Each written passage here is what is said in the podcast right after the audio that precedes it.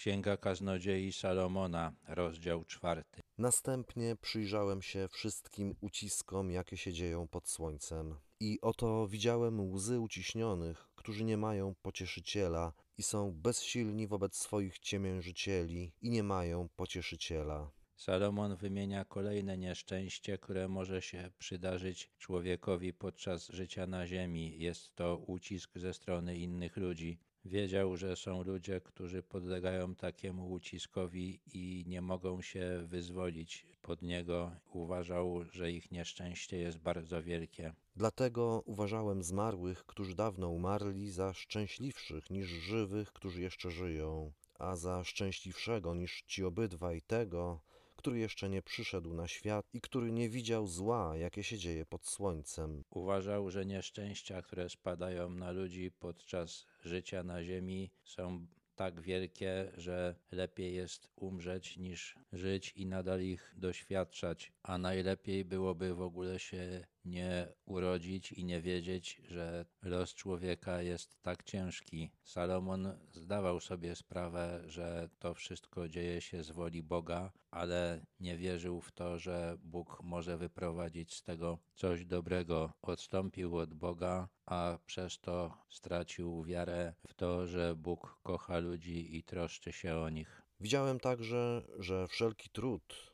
i wszelkie powodzenie w pracy wywołuje tylko zazdrość jednego względem drugiego. To również jest marnością i gonitwą za wiatrem. Kolejną marnością i nieszczęściem, jakie Salomon zauważył w życiu ludzi, jest zazdrość. Człowiek, któremu udało się odnieść sukces, nieuchronnie doświadcza jej od tych, którym się to nie udało. Ten sukces może być niewielki, może być marnością, ale zazdrośnicy łatwo go nie wybaczają.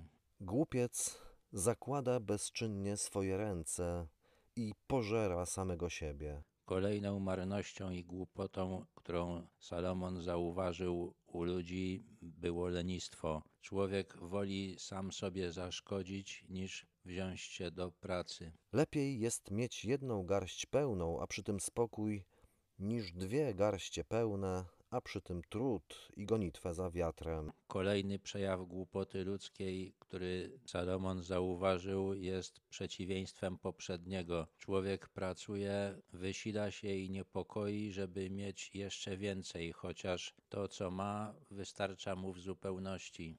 I ponownie stwierdziłem następującą marność pod słońcem. Oto jest ktoś samotny i nie ma nikogo przy sobie nie ma ani syna, ani brata, nie ma też końca jego trudu, a jego oczy nie mogą się nasycić bogactwem. Pyta on, dla kogo się trudzę i odmawiam sobie przyjemności? To również jest marnością i przykrą sprawą. Od wyliczania przejawów ludzkiej głupoty Salomon powraca do przykrości, które wiążą się z życiem na ziemi. Za szczególnie przykre uważał połączenie samotności, biedy i ciężkiej oraz bezowocnej pracy. Wiedział, że wielu ludzi doświadcza takiego losu. Lepiej jest dwom niż jednemu, mają bowiem dobrą zapłatę za swój trud, bo jeżeli upadną, to jeden drugiego podniesie, lecz biada samotnemu, gdy upadnie nie ma drugiego, który by go podniósł. Także gdy dwaj razem leżą, zagrzeją się. Natomiast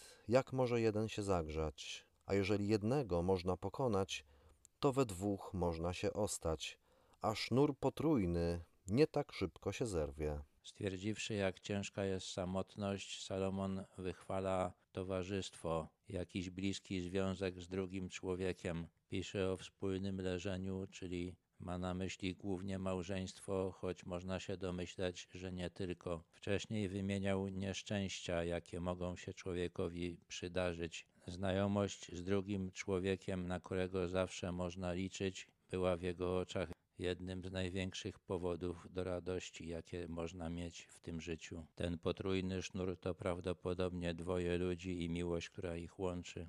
Ubogi, lecz mądry młodzieniec jest lepszy niż król stary i głupi, który już nie przyjmuje ostrzeżenia, bo wyszedłszy z więzienia został królem, chociaż urodził się ubogim, gdy królem był tamten. Widziałem, jak wszyscy żyjący, którzy chodzą pod słońcem, stanęli po stronie młodzieńca, następcy, który zajął jego miejsce.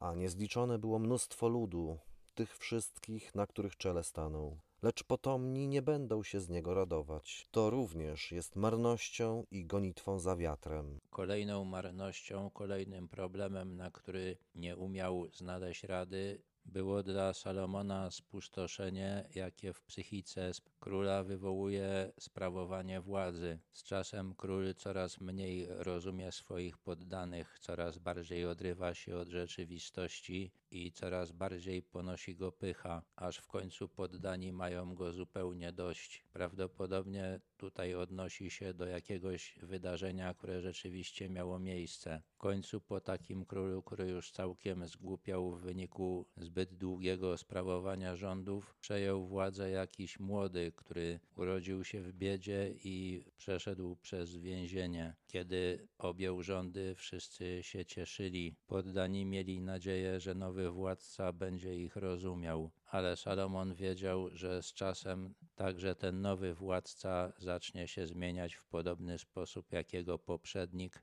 i poddani znowu będą niezadowoleni ze sposobu, w jaki sprawuje się władzę w państwie.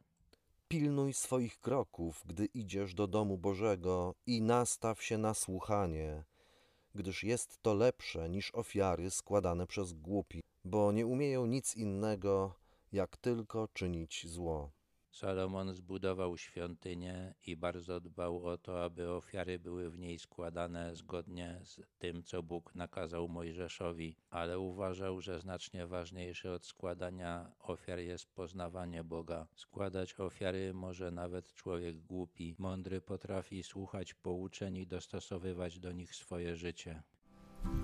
Tak jak jeleń do wody dusza ma do Ciebie mnie,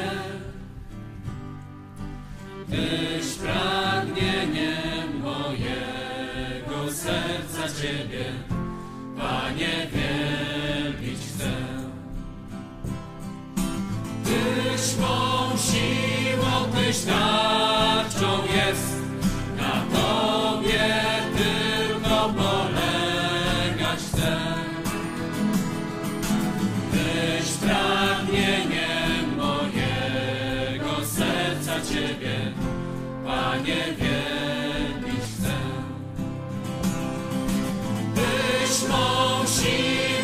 Tyś tarczą jest, na Tobie tylko polegać chcę.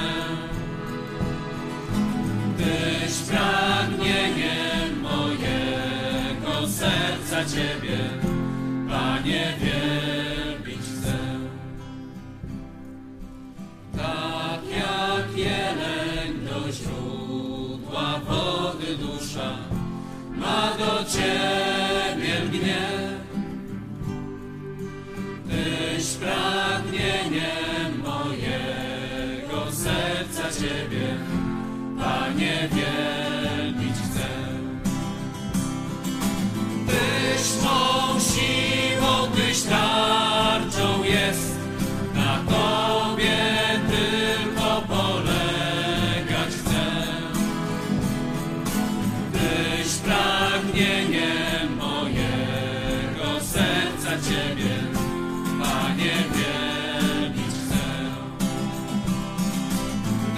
Tyś mą siłą, Tyś tarczą jest, na Tobie tylko polegać chcę.